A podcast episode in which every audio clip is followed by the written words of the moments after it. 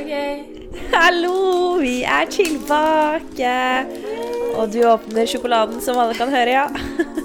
Jepp. Nå er jeg klar. Nå er skal jeg kose meg. Kaja i sitt ess.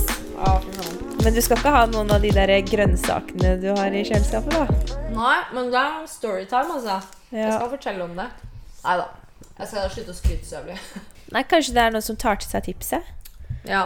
Altså, jeg har aldri vært en grønnsaksspiser, bare så det er sagt. Men jeg har jo spist sånn vanlig sunt, sunt vanlig norsk kosthold, liksom. Pappa har alltid lagd mye poteter og kjøttkaker. Det var virkelig storytime, det her. Du spurte. ok, bare kjapt, kjapt da. Øyvind innførte at vi kutter opp um, brokkoli, blomkål, søtpotet, kålrabi og um, gulrøtter. Tar de i sånne små matbokser og stacker opp for hele uka. Og vet du hvor kjekt det er?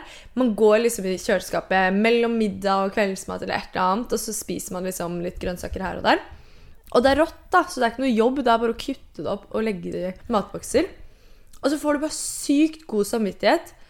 Egentlig det motsatte av det jeg får når jeg sitter og spiser sjokolade nå. Men det er paradokset, det. ja, jeg må veie det opp litt, da. Herregud. Nei, men Det høres ut som en smart eh, løsning, faktisk. Fordi når du skal småspise, så vil du alltid ha noe søtt. Men hvis ikke du har noe søtt, men du har noe sunt, så er det sånn OK. Ja, Så slipper du å bli skikkelig sulten og crave. det er akkurat det. Sorry. Eh, nei, men uh, herlig, da. Det er godt å sitte i sofaen. Det er første gang vi spiller inn i sofa, faktisk. Mm. Det er ikke dumt, ass. Nei, Med ullsokker Ja. og det er så deilig. julepynt og Ja, Du syns jo det var harry her, da, men det er jo greit. Det er jo en annen sak. Jeg har jo kjøpt blomster til deg og alt. for meg. Ja, for deg, da. Men vi tenkte at vi må bare sjekke inn for å vise at vi fortsatt lever. Og denne podden den står i beste velgående, selv om vi begge to er to opptatte jenter om dagen. Mm. Men jeg tror for oss spesielt, som har veldig aktive liv, så tror jeg det er eh, Vi har jo et veldig sunt, chill forhold til det. At liksom eh, vi produserer og lager når vi er eh, Føler oss bra og liksom eh, har tid, har energi, sånn at vi kommer med god energi. Vi presser ikke på når vi ikke har energi eller ikke tid. Og det er faktisk noe med det, fordi da blir det sånn at når vi først gjør det, så gleder jeg meg jo til det. Ja. Eh, og så apropos det, så går jo det igjen i alt man gjør. Og jo flinkere man på en måte blir til å sette de grensene for seg selv, jo bedre får man det jo.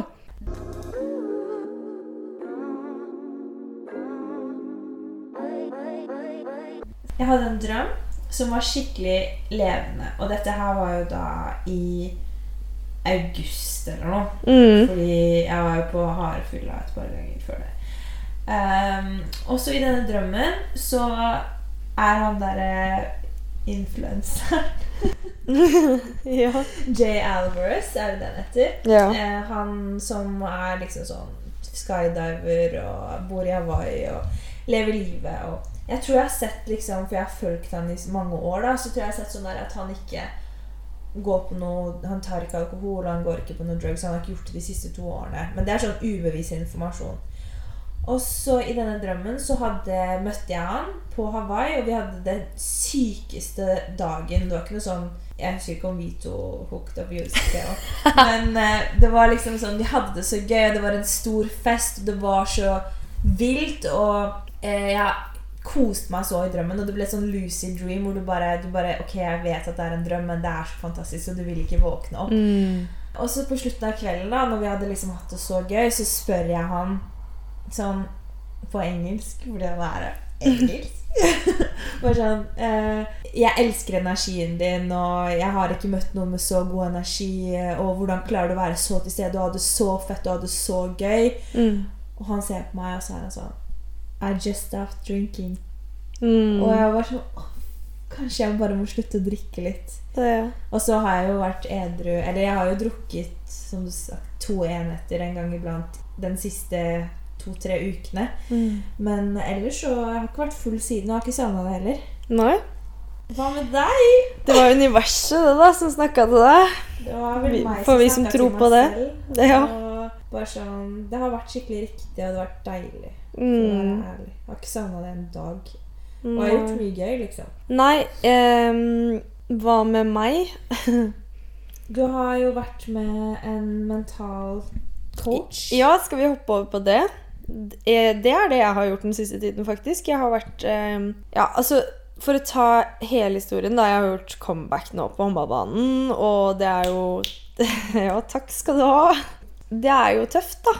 Samtidig som det er dritgøy, og jeg koser meg, og de er sikkert, eh, jentene er sikkert lei av hvor mye jeg sier sånn 'Nå må vi ut og kose oss, jenter'. Ja. Høres ut som den gamle mammaen på laget, liksom. Men uh, uansett, da, så koser jeg meg så jævlig. Og det er, liksom det, det er jo grunnen til at jeg er der, er fordi at jeg elsker å spille håndball. Mm, så det å få lov til å gjøre det hver dag med en ambisiøs gjeng er jo bare dødsgøy.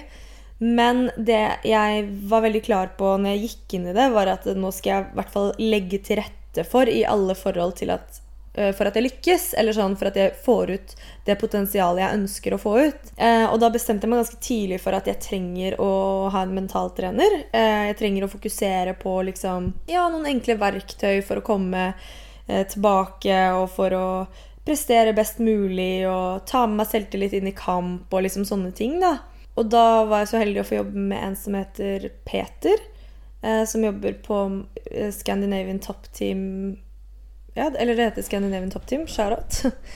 og han er superdyktig. Vært eh, fighter i mange år. Og mm, har egentlig introdusert meg for noe som heter Grow-modellen. Som er en modell som åpenbart skal føre til vekst, da, personlig. Ja. Eller med hva du skulle ønske. Um, og det går ut på at eh, man setter seg mål. At man kartlegger dagens situasjon. Hvor står jeg nå? Uh, at man ser gjennom alternativene man har for å nå det målet. Og til slutt så går man gjennom viljen da, til å nå disse målene. Eh, eksempel vilje, vilje, villigheten kunne gått på For meg da, så kunne det gått på Er du villig til å jobbe mindre for å trene mer eller, og restituere mer? Ikke sant? Eh, for å bli bedre. Så det går på liksom det, det, det går jo på egentlig å prioritere, da. Kartlegge liksom hva skal til for å nå det øverste. Og nå mener jeg ikke det øverste som i eh, øverste håndball, nå mener jeg øverste mitt potensial. Ja, ja, ja. Så det har vært superinteressant å bli bevisst på det. fordi det som er så interessant, er jo at vi har jo hatt den podkasten her i et år. Ja, Snart et år. Så skjæra til oss! Ja. Bra jobba. Um, og vi har jo brukt det som en selvutviklingsarena, og det har vært superutviklende. Og det har vært liksom eh, skummelt, og det har vært så lærerikt. Og Vi har begge fått noen åpenbaringer. vi har fått noen åpenbaringer og alt det der, ikke sant? Men den bevisstheten, eller den bevisstheten jeg føler at jeg har fått mer og mer gjennom det året her også, den har jeg på en måte ikke implementert på håndball. fordi når jeg ga meg med håndball, så hadde jeg liksom ikke begynt helt på den selvutviklingsreisen. Nei. Så når jeg kom tilbake nå, mye mer bevisst og mye mer på en måte trygg på hva jeg trenger å bli bevisst på for å kunne yte best mulig, så var det jo en helt ny verden for meg, egentlig. Eh, Selv om jeg ikke har nådd sportslig der jeg ønsker å være, så vet jeg veldig godt hva jeg trenger, eller hvilke mennesker jeg trenger eh, at skal hjelpe meg for å nå det målet, da, hvis du skjønner. Og du forteller deg selv hva du kan gjøre, og hva du skal gjøre, og ikke alt det du ikke burde gjøre, eller det du ikke har fått til, eller det du ikke har gjort. da, Sånn at måten du snakker til deg selv på nå, er mer sånn 'Dette skal jeg ha fokus på'. Det er jo veldig klart at det er en mental retning å ta. Det der at man ikke skal fokusere på det man ikke eh, skal, men fokusere på det man skal. Fordi at der du legger fokuset ditt, er der du lever livet ditt. basically, yeah. ikke sant? Sånn at Hvis du fokuserer på det du ikke skal, så begynner du å tenke mer og mer på det du ikke skal. Yeah. Mens hvis du tenker på det du skal, så blir det på en måte mye mer positivt mål med en gang. Så det er jo helt klart en, en um, måte å tenke på, men det jeg mente, var at liksom, jeg har blitt mye mer bevisst på det jeg trenger for å kunne eh, nå de målene. da, Og så går det jo litt på villigheten. da, Er jeg villig til å gå ned på jobb? Mm, jeg, jeg har ikke veldig lyst til det, men, eh, men det er jo noe man jobber med da, og ser på mulighetene for og alt det der. Så nei, jeg syns bare det er dritgøy å få lov til å, å være med en gang til. Og ja, toppidrett er gøy, liksom. Så Du sier jo at det beste du kan gjøre for deg selv, er jo å følge the purpose of the soul, holdt jeg på å si, og gjøre det som du virkelig har lyst til å gjøre, og det du på en måte ikke kan tenke deg et liv uten. da. Og du Mm. har jo vært uten det en stund, og du ser jo at du kommer tilbake, så den sjansen du gir det nå, er jo 110% det riktige å gjøre. Men mm. hva er målet ditt, da? Hva er ambisjonen din sånn Ja, å bli den beste jeg kan bli, men hva Mm. ser du for deg at det er? Eh, på håndballen. På håndballen. Ja. Eh, målet jeg satte meg, var eh, å bli like trygg, ha det like gøy og prestere like bra i kamp som jeg gjør på trening. Fordi at når jeg er i hallen og trener og alt sånt der, så elsker jeg det. Jeg koser meg, liksom. Jeg chiller'n. Jeg, jeg har veldig god ro i spillet. Jeg er så til stede. Jeg ser ikke på klokka lenger. Jeg liksom bare Jeg bare nyter hvert sekund av hallen, da. Og jeg, og jeg har begynt å klare det i kamper også, men eh, spesielt før jeg la opp, og tidvis også når jeg har gjort comeback nå, så klarer jeg ikke å få den roen i kamp som jeg har på trening. Og som sagt så har det på en måte forfulgt meg også før jeg la opp, i flere år. Så jeg har liksom vært sånn derre Det er så kjipt å gå på trening hver dag og føle at du bare har det så gøy, og så kommer du på kamp, og så har du så prestasjonsangst, og du bare Å, fy Så faen. redd for å gjøre feil. Ja, livredd for å gjøre feil, ikke sant. Så, det, så på en måte eh, jobben med Peter har jo vært veldig mye på det å kartlegge hvorfor er man så redd for å gjøre feil. Eh, og hva er det som henger i, og liksom få det fokuset på at jeg gjør dette for min del, da, og jeg gjør dette for at jeg elsker det her. Eh, slutte å tenke på alle andre som Å, stakkars pappa de kommer til Oslo, og så, så spiller jeg dårlig, liksom. Så kjedelig for dem. Kan jeg ha tenkt, ikke sant? Ja. Eh, og så er det det ta tankene bort fra det, og fokusere på det jeg skal gjøre på banen, f.eks. Det har vært en, et um, verktøy. Og ikke tenke så mye på det rundt som at du, selv om du har en dårlig kamp, eller du ikke spiller, så er vi som kommer og ser på deg, like glad i deg uansett. Ja, det òg. Da går det jo på det der med identifisering og det med selvverdi og alt det der. Eh, Det å bli bevisst på hvor er det skoen trykker. Hvorfor får man prestasjonsangst på kamp kontra trening osv. Så, videre. Så det var egentlig hovedmålet mitt med, med Grow-modellen.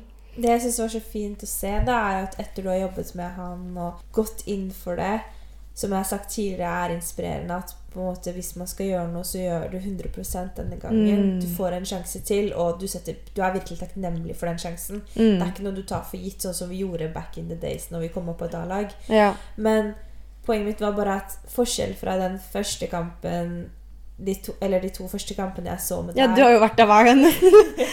Alle utenom én. alle utenom en. Og den siste kampen hvor, hvor du bare hadde en helt annen trygghet og ro. Fordi at jeg føler jo med deg. Jeg vil jo at du skal prestere. Mm. Så når du er på banen, så blir jeg sånn Hvis jeg ser at du er nervøs, så blir jeg nervøs selv. Men hvis jeg ser at du er trygg, så er jeg sånn Dette her går bra. Ja. Så da får jeg også en sånn ro som å, Det var så, Så da koser du deg. du klarte det i siste kampen. Ja, å, det er koselig å gjøre. Ja. Det er skikkelig deilig å ha dere der. Det er som du sier, når man syns noe er veldig gøy og liksom bare sånn Purpose of the soul, da, som du sa, så er det jo noe med det å tørre å følge det. Fordi jeg satt jo veldig lenge og sa til meg selv sånn Det er for sent, du er for gammel, eh, kroppen er sliten, jeg har hatt mye belastningsskader, ikke sant, og alt det der, da. Så er det sånn Nei, det er du faen ikke. Nei, det er unnskyldninger. Ja, bare tull. Eh, og da var det jo litt sånn jeg skulle gjøre det, så bare Nå skal jeg først Nå skal jeg gjøre det ordentlig, liksom. Ja. Og det er kult at det har kommet ut av at vi begynte med denne podkasten. Ja. Ja. Det er ikke sikkert at du hadde gjort comeback. Nei, det tror jeg ikke. Jeg har blitt, altså, for å ta det, jeg har blitt så mye tryggere sånn på å snakke også om følelser og ukomfortable ting.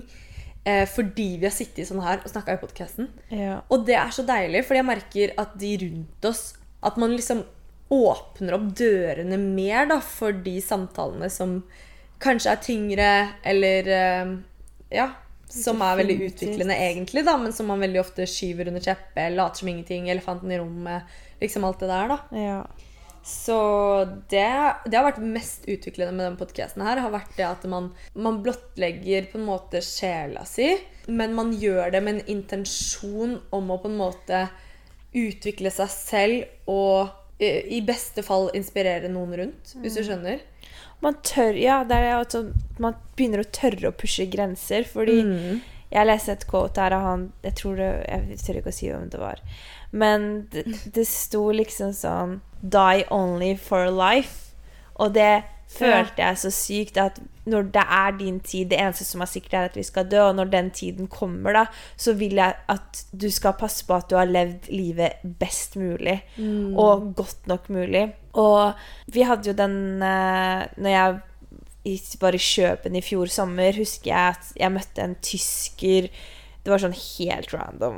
Tremenningen på det huset jeg bodde i, liksom. Og jeg begynte å snakke med han om spiritualitet mens vi så på flammene, og han bare 'Hvor sykt er ikke ilden, egentlig? Se mm. på den.' Og jeg bare så på den og bare Det er egentlig helt sykt at ild eksisterer. Mm. Den gjør oss varm. Den gir oss en følelse. Men han sa noe sånt, og brukte det eksempelet med at hvis du fikk eh, hva var det, 86 Nå sier jeg bare noe, men det var noe ish sånn. 86 560 euro hver dag. Når, når, dagen var ferdig, så var bankkontoen din tom, men hver morgen så fikk du det samme beløpet. Og det var liksom masse penger, da. Hva hadde du brukt pengene på?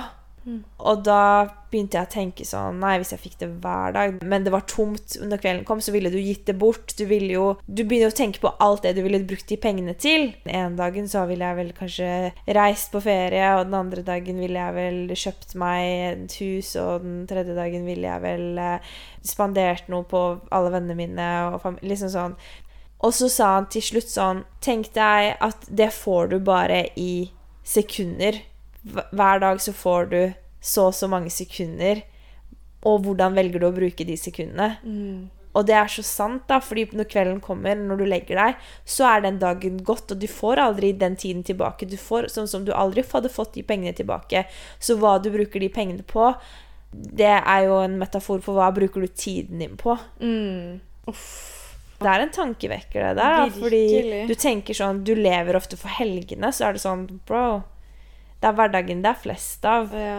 Og hvis noen hadde gitt deg ti millioner kroner for å Eller ti millioner Ti milliarder for å dø i morgen, hadde du tatt de ti milliardene?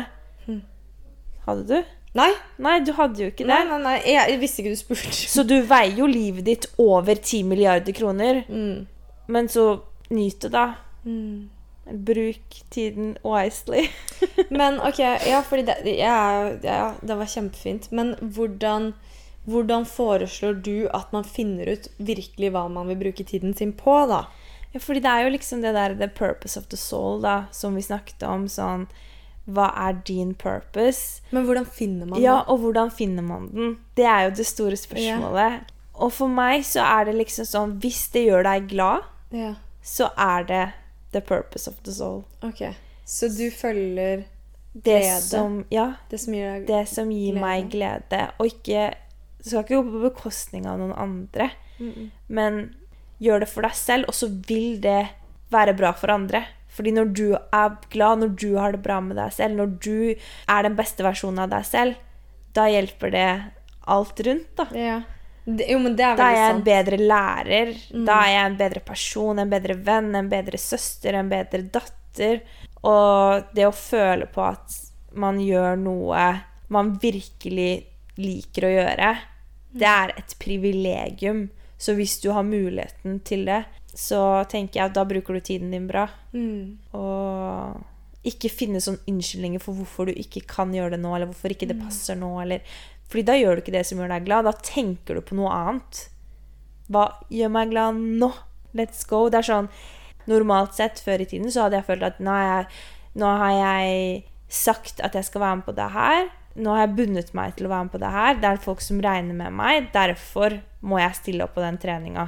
Eller mm. på den tingen. Mm. Eller på det julebordet. Eller på den middagen. Men hvis ikke det er det som gjør meg glad, hvis ikke det er det jeg vil, noen ganger så må du ofre deg. Det er ikke det jeg sier. Noen ganger så må du tenke sånn Nå må jeg sette noen andre foran meg selv. Men når det ikke går utover noen andre mm. Det er jo noen ganger man må bite tenna sammen og bare 'Dette har jeg faktisk eh, sagt at jeg skal gjøre, ja. så dette må jeg nødt til å gjøre'. Mm. Så jeg tror liksom det er en veldig fin balansegang mellom man skal ha høy integritet på ordet sitt, mm. men man skal også lytte til hva man virkelig ønsker, men man kan ikke være en sånn vinglegreie, da, sånn som jeg merker jeg har vært veldig mye tidligere, spesielt i årene mine, liksom. Det, det der at man bare eh, Kanskje, ja, men det, da lever man på akkord med det man vil, sant? Og da får du en sånn resentment mot ting, og da vil du egentlig ikke. Så da blir du sånn Nei, vet ikke helt, ja, når det begynner å nærme seg. Og det føler jo Ja, det er det. Og det er den man må finne ut av. Det er den man må begynne å lytte til. Sånn derre Hvis jeg blir spurt, da eh, Vil du være med til Danmark? Og så vil jeg egentlig ikke, men så er jeg sånn Og da blir sikkert de sure på meg hvis ikke jeg blir med. Så blir jeg sånn Ja, kanskje det. Jeg tror jeg kan, og Mm. så liksom er jeg usikker. Så begynner det å nærme seg, og så er de sånn Ja, skal du være med, eller? Ja. Og så bare Nei. Og så vet du egentlig at du ikke du vil fra starten av. ja, ikke sant? Det er det, og det er den du skal lytte Ja, til. og det, og det mener jeg sånn Da, da bare bruker du andre sin tid. Mm, Og det, det, er det er ikke cool. Skjønner du? Du må bestemme deg for om du vil. Enten så vil du, eller så vil du ikke. Mm. Men de gangene det kan være litt vanskelig, da, så, så er det jo litt sånn Man blir sånn derre vinglepetter, ikke sant. Så vet du egentlig hva du vil. Og det er den stemmen jeg mener sånn Den vil jeg høre på nå, da. Ja, og det elsker jeg, og det tror jeg liksom ja, er veien ut av litt Hva heter resentment på norsk? Liksom? Der, altså, du gjør ting, og så har du ikke noe lyst. Du liker det ikke, jeg vet Nei. ikke. Men vi skjønner hva du mener. Men du vet hva jeg mener, liksom. Jeg tror det der å, å gjøre ting ut av genuin intensjon om at du vil noe, det er det man må bli flinkere til, da. Mm. Ja. Og det handler jo også om grensesetting. Da setter du på en måte en grense for, for deg selv, da, for å vise deg selv at eh, OK, Julie, nå vet jeg at jeg er litt sliten, Mm. så nå eh, nå vet jeg at jeg kan stole på meg selv, at jeg tar vare på meg selv når jeg trenger den roa jeg trenger. Det er Og det. det er jo Og selvkjærlighet. da blir du bedre for de andre rundt neste gang òg. Ja, jeg vil ikke ikke møte opp et sted halvveis bare fordi jeg må. Nei, jeg vil være der 100 Det Og jeg sier, det, det, Ta dette med et klype salt, det vi sier nå, liksom. Fordi noen ting sånn Hvis du ikke orker å gå, gå i bursdagen til bestevenninna di en dag fordi du er litt sliten, det er sånn skjerp deg. Du skal Mm. i den bursdagen, det er bestevenninna di, det betyr mye for den personen.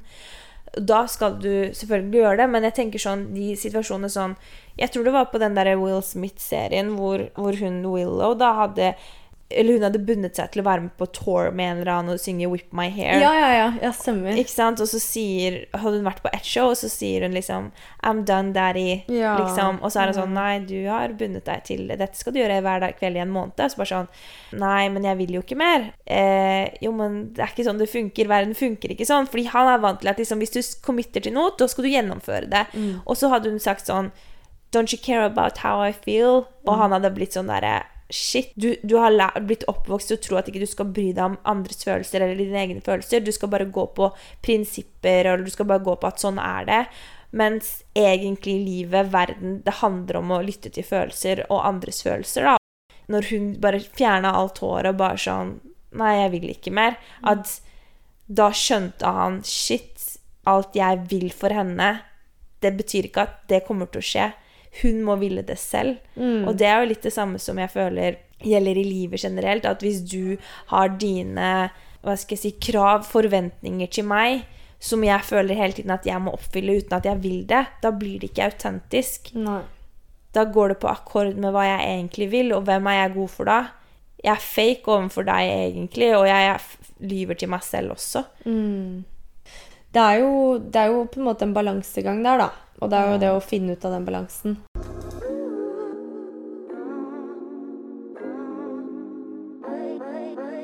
Men jeg har lyst til å spørre deg om en ting. Ja. Fordi jeg leste et quote som bare mm, ga så mening. Nei, nei, nei. Jeg bare lurer på om det gir like mening for deg, da. Ok. okay. Oi, der er Øyvind gamer i bakgrunnen her, ja. Hvordan går det med streaminga? Twitch, Navrutoko på eh, Twitch. Shout-out. ok, skal vi se. Intuition is present moment awareness. Det er sant, altså. Ja, Intuisjon er bevissthet i nået. ja. Fordi, Ja. ja, hvordan, hvordan tolker du det? Ja, fordi det du føler akkurat da det skjer, og når det skjer, det er egentlig intuisjonen som snakker til deg. Ja. Mens det vi tenker, er sånn herre ah, Sist gang det skjedde, så var det sånn. Ikke sant? Så begynner man å ta med gamle erfaringer Ja. og opplevelser inn i noe. Mm. Istedenfor at du Se på det med nye. Ja, istedenfor at du, du bare ah, Der fikk jeg en dårlig ma magefølelse på denne situasjonen. Men så tenker du nei, men sist gang jeg var her, så gikk det jo fint. Og jeg har jo gått her før. Det går bra. Ikke sant? Ja. Det, eller det var sånn det, jeg ja, tolka det. ja, ja.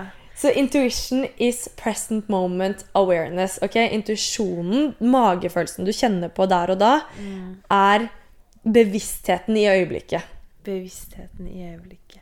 Det er så sant. Ja. Og ofte Det ga så så mening. Ja, og ofte så tar du deg selv i at noe gir deg en følelse. Enten liksom en lukt eller noe du ser, eller Ja, du bare føler det, da. Mm. Og så tar det deg også til noe. Mm. Det er sykt interessant. Jo, det var veldig interessant. Så man skal på lytte på den. Fordi, bare tenk deg det der med f.eks. Eh, at du har hørt om Si du skal på en date, da, Julie, og så har du hørt at eh, Nei, men han der er skikkelig rar, og han er skikkelig taper, og Nei, han må du holde deg unna, og bla, bla, bla. Så er det sånn derre så begynner jo du å tenke det.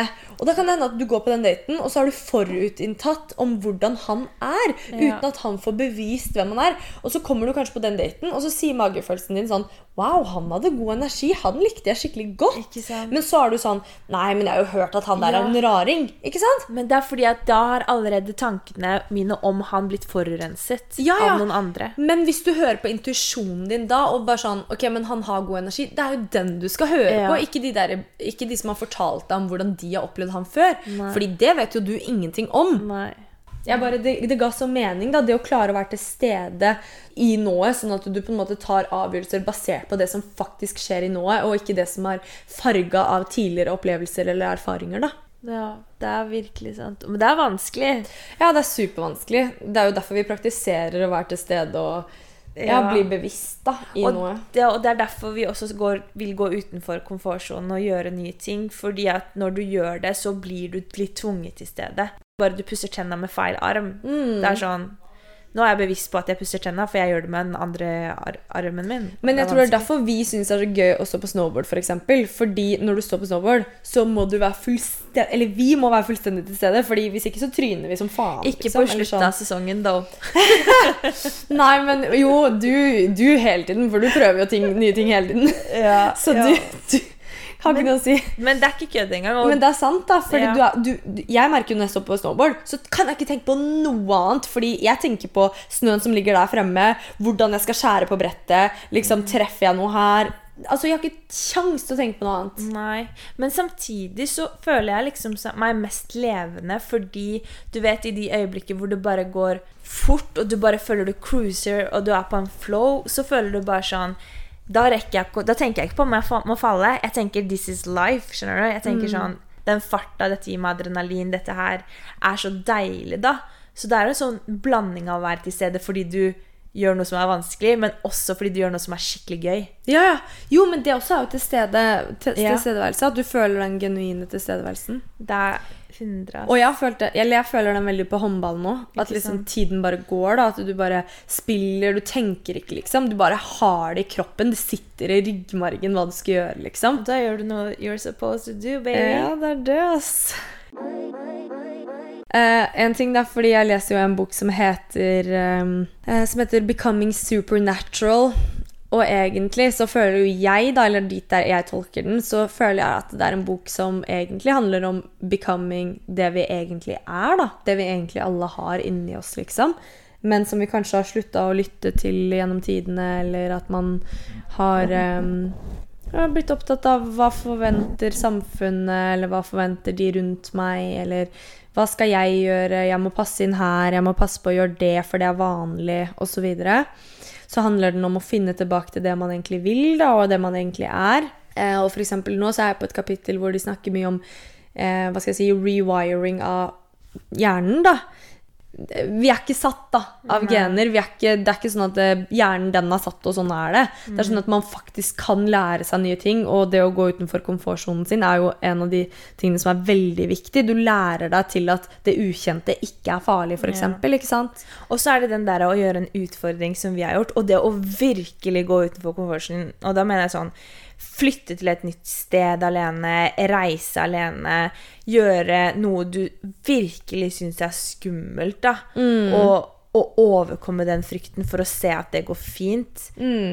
Og skape en ny frihet for deg selv. Unnskyld. Skape en ny frihet for deg selv. Ja. Skape en ny frihet for deg selv. Jo, men absolutt. Jeg tror, men jeg tror liksom, som vi også snakka om når vi gjorde de små utfordringene, er jo det at eh, at jeg tror at det handler om å gjøre også de små utfordringene. For det gjør at du blir mer og mer rusta til å gjøre de store utfordringene. Fordi du er vant til å gå utenfor komfortsonen din. ikke sant? Det handler jo om alle de små valgene man gjør. Men ja, jeg syns i hvert fall at den boka den anbefales skikkelig. Jeg la det ut på Blest og bevisst også. Eh, men det der å skape ikke gå på autopilot, skape nye bevisste mønstre som tjener deg bedre i dag enn de gjorde før.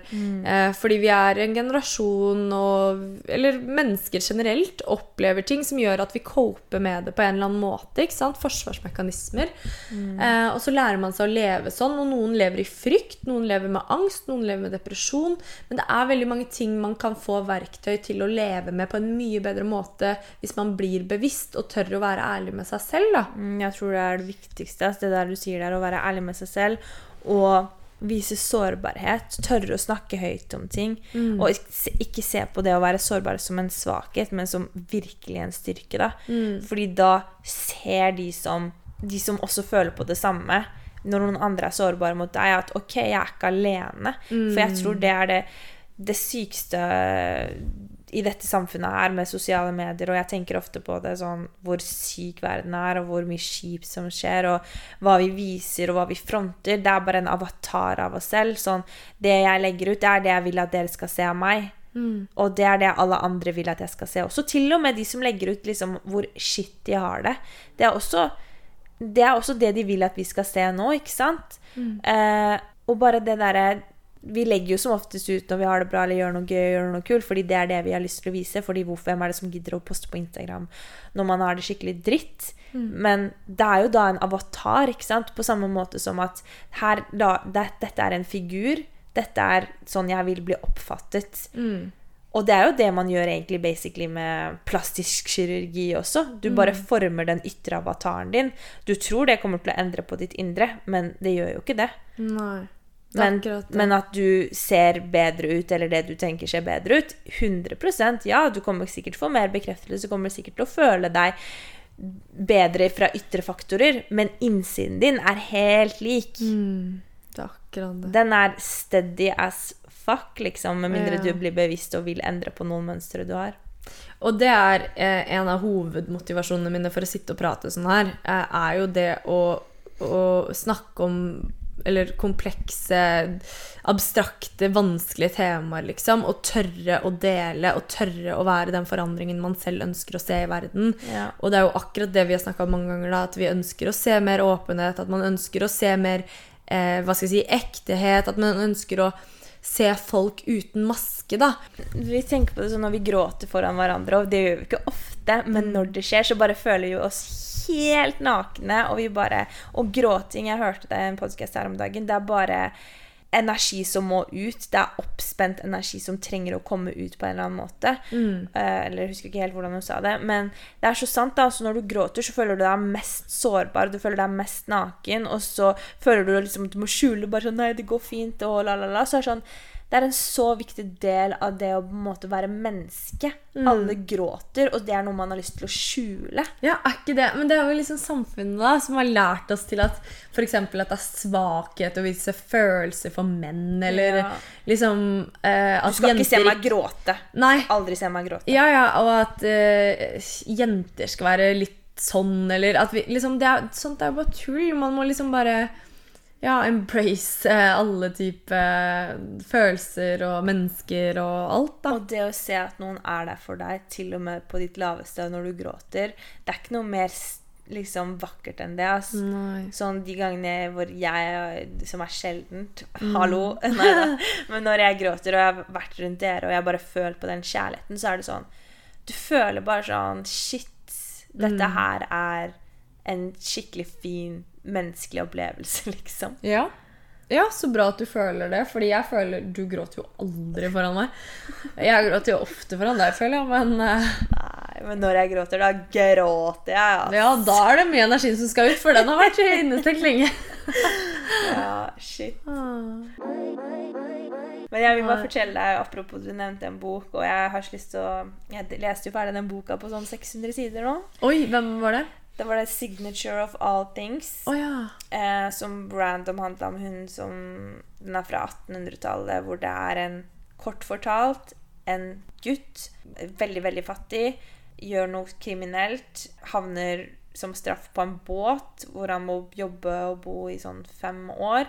I reiser til Tahiti, finner at han vil bli en eller annen sånn botaniker. Eh, og jobber med planter og trær og medisiner og sånn. Kommer tilbake, blir rik, får en datter. Så handler liksom boka om datteren da, som vokser opp, og hun, hun er ikke vakker utseendemessig, men hun er veldig smart og intelligent da, og bryr seg veldig mye om den botaniske delen av det, og begynner å interessere seg ekstremt for mose. Mm. Og dette her er jo på en måte fiksjon, men det er facts. da, alt Han er jo fakta, på en måte. Og så får hun en stesøster, eller hun får en adoptivsøster, som er det vakreste. Men det hun ikke skjønner før hun er stor, er hva Fordi de, de, får aldri en god kontakt. De krangler ikke eller noe, men det er sånn, de får ikke noe sånn kjemi. Men hun skjønner at søsteren har gjort noe for henne som er så fint, da. Sånn derre Du har gjort noe for noen andre som ikke gagner deg selv, men du gjør det genuint fordi du ønsker noen andre å være lykkelige. Mm. Og så får hun da en mann, og så er det noe greier med han, og så sender hun han til Tahiti. Sender han bort, basically, fordi de får en connection som er divine, men hun har lyst på liksom den der, Hun har lyst på section, hun har lyst på nærhet. Mens hans form for nærhet er å dele følelser og tanker og eh, lese tankene til hverandre og det spirituelle, ikke sant? Mens hennes form for nærhet er det hun aldri har følt. Og hun er en dame i 40-50-årene som, som er jomfru. da, Og hun tenker liksom på det øyeblikket hvor de to skal Hun elsker jo han her, men så skjer det ikke fordi han har lyst på den spirituelle delen. Bare den. Så hun sender ham bort, og så skjer det noe med han, og så skal hun finne ut hva som skjer. Så hun reiser til Tahiti. Og dette er på en tid hvor det tar liksom åtte måneder å komme seg et sted. Og det hun skjønner der, er at hun får en sånn åpenbaring om hvordan evolusjonen fungerer for alt levende. Og dette er egentlig det som er poenget mitt, så kanskje vi bare klipper det til det her. Men jeg ville bare at du skulle høre kontekst. Mm. Og det hun forstår, da, er at fordi hun har studert mose hele livet, er at mosen tilpasser seg. Så det finnes sikkert mose fra, fra dinosaurtiden ikke sant, som ikke har dødd ut, fordi den tilpasser seg miljøet hele tiden. Og hun er veldig vitenskapelig, og hun skal ha vitenskapelig bevis på alt. Mens han, mannen hennes var jo veldig spirituell. Ja. ikke sant? Mens hun var veldig sånn logisk, da. Og hun mente at det er hennes teori og hennes synte... eh, Sånn, den som, det som hun vitenskapelig kunne bevise, er at alt levende Og det hadde hun i sammen med Charles Darwin, han fant også ut av det her. Og en annen som heter Wallace et eller annet. Og det, de to har jo bevist at har gjort det. Mens henne publiserte det på en måte aldri. Så det er på en måte ikke bevist i boka, da, i romanen. Og da si, sier hun at alt levende Alt som lever, det handler om er bare a struggle to survive. Skjønner du? Det der er survival of the fittest. Ja. At alt som lever, det utvikler seg hele tiden for å passe inn i miljøet og ikke dø ut. Ikke, bli, ikke bli utryddet. Så derfor har mennesker sikkert gått fra å være krokrygget og bøyd til å reise seg opp, fordi at det gagner dem mer for å jakte. skjønner du? Em, mosen utvikler seg for å overleve på fjell eller vokse på trær. Sammen med sopp, sammen med leoparder, eh, sammen med steinbukker Liksom sånn alle slags dyr. De har et eller annet som gjør at de kan overleve og hindre fienden i å drepe dem. Mens fienden igjen har noe som gjør at de også skal overleve. Så man utvikler hele tiden egenskaper, var ordet jeg lette etter, for å fortsette eh, evolusjonen. At Mm. ikke sin rase skal dø ut. da. Mm. Men så det hun ikke skjønte, det eneste hun ikke kunne finne svar på, som ingen kunne finne svar på, var hvorfor menneskene har sin intelligens og sin hjerne, Sin Og- bevissthet sin og selvbevissthet. Fordi dyr går jo på instinkt. Ja, ja. Ikke sant? Det går jo på hva kan man kalle intuisjonen vår, er instinktet til dyret. Mm. Det går på det de føler og det de gjør, og de gjør det med en gang. De har ikke noe tankemønster, de har ikke noe følelser. De har Pro- følelser, da. Ja, ja. Men, men de er ikke De er ikke selvbevisste. Mm. Det hun kalte problemet, da, var at hun skjønte ikke hvorfor f.eks. stesøsteren gjorde noe som ikke gagnet henne selv.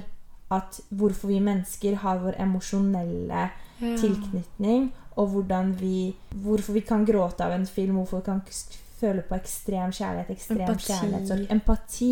Det å unne noen andre noe Mm. godt, det er ikke farlig for deg for at du skal fortsette å leve. som jeg mener? Vi Mm. mennesker trenger ikke vår bevissthet for å fortsette eh, vår utvikling.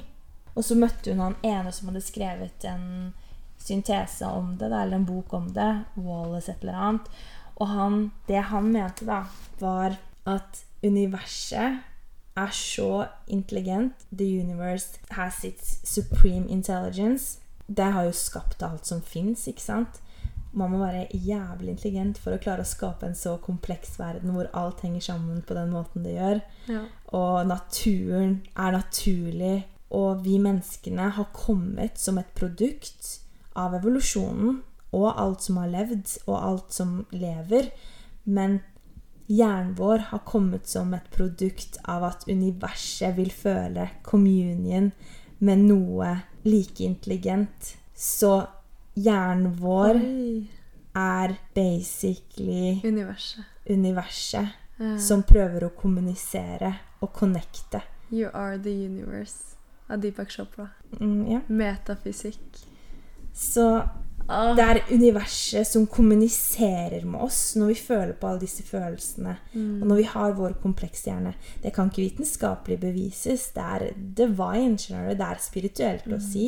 Mm. Men når jeg leste, og jeg leste jo typ hele boka for å komme til det, liksom Jeg var jævlig spent faktisk Ja. når du bygde opp her. Det ble bygd opp, men han sa at det finnes en supreme intelligence, og at den eksisterer i universet, og den leter etter union med oss. Mm. Og det er det hjernen vår er, da. Det er faktisk veldig interessant. Ja. Men eh, fordi Ja, fordi vi er jo på en måte Vi er jo en ekstremt smart En- rase. vi er, Ja, consciousness. Liksom, alt er jo Ja, vi har en kompleks hjerne. Vi får, vi, vi får mennesker til månen, skjønner du hva jeg mener? Eller Mm. vi lager de sykeste tingene. Vi, alle våre sanser og følelser på hele spekteret er liksom ikke, ikke egentlig nødvendig. Mm. Eh, og det er ikke noe vi trenger for å overleve, men det handler om å utvikle oss. Det er derfor man sier sånn Du har the universe and the inner verse. Mm. Så du har universet og universet. Mm. Og universet skal kommunisere med universet. Mm. Og universet snakker til oss når vi føler på bevissthet, eller når vi er bevisste. Er til stede. Ja, så det er, den er egentlig i ett med oss. Vi er en del av universet.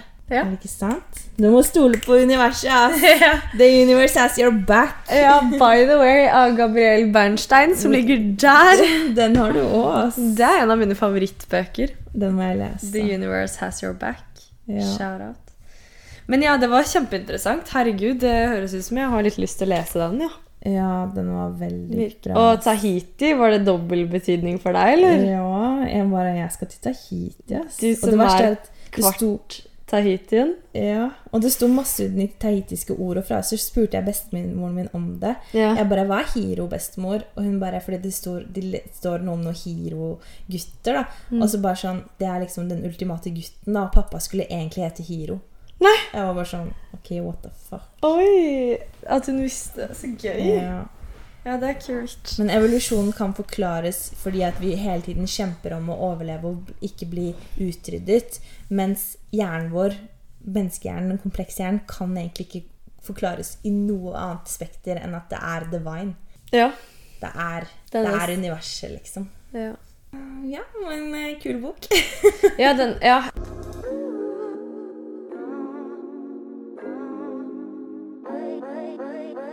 Ja. Men skal vi ta disse spørsmålene, eller? Føler at vi må svare på noen siden vi Hvordan går det med dere om dagen, og hva har inspirert dere den siste tiden? Hvordan går det med deg? Oi. Um, nei, det går bra. Jeg føler at jeg har en del å gjøre, kanskje. Sånn at jeg går veldig mye og kanskje ikke fått meditert like mye. Og ikke gjort yoga, fordi jeg trener jo så mye ellers, liksom. Men ser du på deg selv som heldig som har mye å gjøre? Ja, det er jo også et godt spørsmål. Da. Ja, jeg ser på meg selv som privilegert for det jeg får lov til å gjøre. Mm. sånn som jobben min og eh, håndballen, da, først og fremst, som tar veldig mye tid akkurat nå. Så jeg, er absolutt, jeg ser meg absolutt som veldig heldig og er veldig takknemlig for det. Så mm, det var bare veldig deilig med en uke fri nå, for jeg var jo akkurat i Paris, og det å bare Ja, Med Banksy det. Og Ja, det var veldig deilig å bare liksom gjøre noe annet, da. Fordi når dagene går, og du liksom har jobb og trening hver dag, så har du ikke tid til noe annet, liksom. Fikk du noe inspirasjon i Paris? Ja, fikk veldig mye Vi gikk jo på uh, Banksy Det er en, uh, en av verdens beste graffitikunstnere, da. Undergrunnskunstnere, sa Øyvind til meg, i hvert fall. Og mm, det inspirerte meg veldig, fordi for det første så var det helt random at vi gikk på den utstillinga. Eh, og for det andre så var det Det var ikke random, bro. Nei, det var jo ikke random, men det var liksom Vi fikk helt sjokk. Vi, han bare Banksy, Banksy kunstneren, liksom. Så var det sånn Ok, fett, vi stikker inn der. Ja. Og så var det liksom i en kjeller, da, så hadde han liksom malt på vegger, på grå betong. Det var bare jævlig kult, ikke sant?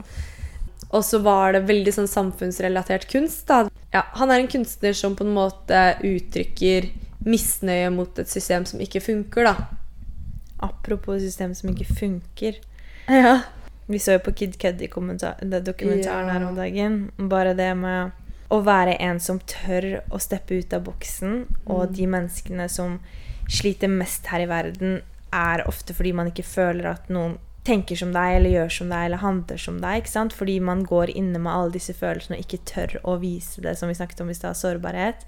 Og at Kid Cuddy var en pioner basically for å tørre å snakke om mental helse og sårbarhet for rappere og gjøre noe annerledes, da. Mm. Og du bare hører liksom store navn og folk snakke om det som at Ja, han var- Shia LaBeouf og sånn. Det var fett. Ja, ja, som var da han var starten på, på det hele. Han åpna den dialogen, da. Mm. Og de som tør å gå ut av boksen, for det første, og snakke om ting som ikke vanligvis blir snakket om, Mm. eh, og som er idealister på sett og vis og bare vil ha en endring. Jeg respekterer det så mye, ass. Ja. Jo mer jeg bare tenker hvor system vi er i, Mm. det er så sykt. Jeg så Suicide Squad her om dagen med Momo, og så er den ene sånn der rotte som kan tilkalle rotter eh, med et sånt device, og de rottene kommer fra hele byen og attacker, liksom. Og så sier hun jenta på slutten bare sånn Fordi det var faren som hadde funnet opp det apparatet, da, så sier hun Why, why rats, daddy? Liksom, hvorfor velger du et apparat som kan tilkalle rotter?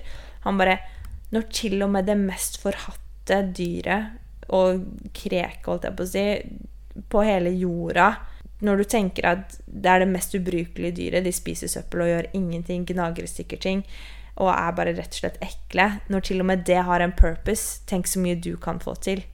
Mm. Og det er så sant, ass. Mm. Men ja, eh, du som er inne i litt sånn, eh, hva skal jeg si, sirkel på at ting er håpløst, da. Ja. Nei da. Og det har jeg faktisk tenkt på òg. Okay. Jeg har tenkt på det her etter paradoksepisoden vår. Ja. Så har jeg tenkt på at alt det verste som skjer, verste av det verste som kan skje i verden Jeg har funnet ut hvorfor det skjer. Fordi uten det verste av det absolutt verste mennesket og liksom ting og tang og Så hadde ikke det beste av det absolutt beste fantes. Så du er egentlig glad, da? Nei, jeg har bare skjønt at for å ha det absolutt beste, så har det tydeligvis måtte fantes det verste av det verste. Ja. Det er det totale motsetninger. Det er yin og yang, men Men min tur, hvordan går Ja. det med deg om dagen? Um, det går veldig bra. Jeg er ferdig med utviklingssamtaler, og det er desember, og vi koser oss på skolen. Ja. Og life is good, ass. ja, så det var litt lengre svar hos meg, da. Det er bra. Jeg er jo litt drømmer. Jeg kan drømme om mye ting, men sånn Nå har jeg tenkt sånn der, ok, nå skal jeg handle litt mer ut fra mine ideer. Eh, et nytt spørsmål. Hvor er du om ti år? Oi, det var et godt spørsmål. Jeg håper at jeg har barn. Jeg har veldig lyst på barn. Så jeg håper jeg har barn om ti år. Ehm, håper at jeg driver med noe jeg liker, og at jeg ehm, har like mange venner og familie rundt meg som jeg har nå. Eller ikke, hva skal jeg si, ikke like Nå hørtes det ut som jeg hadde dritmange venner. Men at jeg har så gode venner da, som jeg har rundt meg nå, det håper jeg. Skal gjøre alt jeg kan for å ta vare på det. Og at jeg bor et sted med fin utsikt. For jeg er litt lei av å se over på Best Western på Tøyen her. Selv om det er fint, det òg. Men nå pusser de opp her, så ja, bråker den rundt. Nei, jeg skal ikke klage. Jeg elsker leiligheten min, men uh, ja. Jeg kan se for meg at jeg har eh, en hage, ja. Ja. Om ti år. Manifest. Hva med deg? Om ti år så håper jeg at jeg lever og gjør mitt beste. Ja, jeg, jeg er enig på det. Jeg håper jeg fortsatt gjør mitt beste. Ja. Nytt spørsmål. Hvilke av utfordringene slash nye opplevelser har dere lært mest av slash fått noe ut av? Oi. Ja, du kan starte, egentlig. For meg så tror jeg at det jeg har lært mest av, det er Australia. At det var noe som åpnet øynene. Fordi hvis du ikke er ærlig med vennene dine, så lyver du til deg selv, og du healer egentlig ikke sårene som du har. Jeg har hatt en skorpe, men jeg har ikke latt den gro, for jeg har fortsatt å rive opp skorpa. Så såret har fått skorpa, men den vil ikke gå, skorpa vil ikke gå bort når du fortsetter å rive den av. Og for meg så var den skorpa å ikke være ærlig da, Mm. med meg selv og de rundt. Ja, Som førte til at du gjorde handlinger du ikke følte sto i stil da, til hva du egentlig er, og hva du egentlig ønsket. Ja. Uh, og det er veldig sant, og du reiv jo av den skorpa 150 000 ganger. Ja, men tydeligvis så var det såret der fortsatt, ass. jeg føler det er det jeg har lært mye av. Det er bare sånn, det går bra, det å klare seg selv. Jeg er veldig sånn Tenker sånn Enten så går det bra, eller så går det over. Det gjør jeg virkelig. Ja, jeg. Og jeg. jeg er ikke redd for å Jeg kan være usikker, og jeg kan grue meg til ting, og, men jeg liker det litt. skjønner du? Jeg syns det er litt spennende å ikke vite helt, og overkomme det. Men jeg har tenkt på en ting, da. Fordi du har jo egentlig Eller sånn Du har egentlig bodd hele livet ditt i Oslo. Bortsett fra de fem månedene du var i Australia. Ok, hva prøver du å si? Nei, jeg prøver bare å si at du kanskje må prøve det nytt. Ja, det sa Tina også i Fordi jeg tenkte, jeg, ja, jeg tenkte på deg her om dagen. Mm. Eh, fordi Øyvind og jeg drev og snakka om et eller annet, at vi begge har bodd i Oslo i noen år, og vi er jo ikke fra Oslo, og alt sånt der, men hvordan det har blitt på en måte et hjem. da. Jeg har bodd her hele mitt voksne liv, liksom. Mm. Og så var jeg sånn Så bare kom jeg på deg. Plutselig så var jeg sånn Faen, Julie har alltid bodd på østkanten i Oslo, liksom. Eh, bortsett fra de fem månedene hun var i Australia. Jeg bodde på Tøyen, så bodde jeg på Vålerenga, så bodde jeg på Tøyen, og så bodde jeg på Vålerenga. og så var jeg på et, en liten ferie. Så Tøyen og Vålerenga, det er liksom Og nå bor du i samme blokka som familien din. Hei. Jeg, jeg bare sier, Julie, at jeg, jeg, jeg er oppriktig eh, tror du må gjøre noe annet. Jeg tror det også. Men jeg har faktisk tenkt det etter jeg leste den boka, og jeg skal til Tahiti og neste år. Mark my words. Når jeg er ferdig med klassen min, da må jeg ut og reise, ass. Altså vil det si om et, høsten om et år? Ja. Ok, da får vi skype med Da denne får vi podkasten, da. satse på at jeg har fri vilje til da. Ja. At ikke noe skjer som Oi, gjør at jeg ikke kan gjøre det. Men uh, Nei, men jeg har tenkt på det sjøl, liksom. ja. Har du det, ja? Fordi jeg har ikke tenkt på det så mye, fordi jeg har jo tenkt at jeg er jo innflytter her, så har jeg sikkert tenkt at du òg er det, typ. Men du er jo ikke det, liksom. Og Nei. ja. Og jeg har det jævlig trygt og godt. Ja, det er akkurat det. Det er sånn, Julie kommer til meg, det første hun gjør, er sånn «Ah, Jeg må bare ringe mamma. 'Mamma, hvis ikke jeg er hjemme når posten kommer etterpå, kan jeg, kan jeg ringe på hos deg i stedet?' At det bare illustrerer akkurat hva jeg mener. Istedenfor å legge pakka mi i første etasje, kan de legge den i tredje. Men det jeg har tenkt på, det er at jeg trenger jo faen ikke å flytte lenger enn til Frogner. For å gjøre For jeg har ikke vært Du føler utlandet, du, da. Jeg vet, jeg har ikke vært utafor gamle Oslo, liksom. Nei, det er lættis. Ja, ja. Nei. Nei, du får utfordre deg på noe, tror jeg. Ja. Hva betyr julen for deg? Familie. Ditto. Ja, det betyr familie og glede og barn og Ja. Og det er det som er så koselig med å være lærer. ja. Jula og julemagi og Nei, det er noe spesielt, ass. Liksom, jo mer man går innover og blir mer til stede, og sånne ting, jo mer magi føler man rundt seg. Gjør ikke du det når man går i skogen og alt sånt der? Jeg blir helt sånn Alice in Wonderland. Jeg. Ja. Går og leter bak trær og liksom Jeg ser jo at du gjør det, og jeg vet jo at du gjør det. Så det er sånn Jeg føler jo mer Hva skal jeg si Jeg vil ikke si spirituell, men jeg vil si jo mer på en måte jeg har jobba innover, jo mer magi ser jeg rundt meg hele tiden. I en solnedgang, i et tre, i botanisk hage, liksom. Ja. Et barn ikke... som ler, en hund. det å på en måte kunne se på noe som Du er i stillhet, men det rundt deg på en måte beveger seg. Skjønner du hva jeg mener? Det er, det er også Det er noe magisk med det, ass. Ja. Tusen takk for praten. Da. Det inspirerer meg alltid. Og liksom, nå er det jo en stund siden, og jeg bare føler Ja, man får så mye energi, da. Nå sitter vi og koser oss i sofaen, og det er liksom sånn Det å ha et chill forhold til det gjør det så deilig for meg. Mm. Fordi man tuner inn på nå skal vi på en måte gå innover hva har du faktisk gjort i det siste. Og det jeg merker at jeg også ble bevisst på, var at jeg trenger mer tid til å være med meg selv, være til stede. Liksom praktisere det, da. Fordi det er jo en øvingssak. Å være til stede og ikke være stressa hele tiden og løpe fra det ene til det andre. Så det å bare komme her og tune inn, det er um, Ja, det er skikkelig inspirerende. Jeg er skikkelig takknemlig. Og bare snakke om ting som jeg, bare, som jeg genuint på meg selv over. Og bare se at du gjør det samme. Det er sånn Det er, sånn, det er connection for meg. Når noen møter meg på min energi og på det jeg liker. Alt fra Kanye, Kim og P. Davidson til uh, fucking uh, The Universe. Altså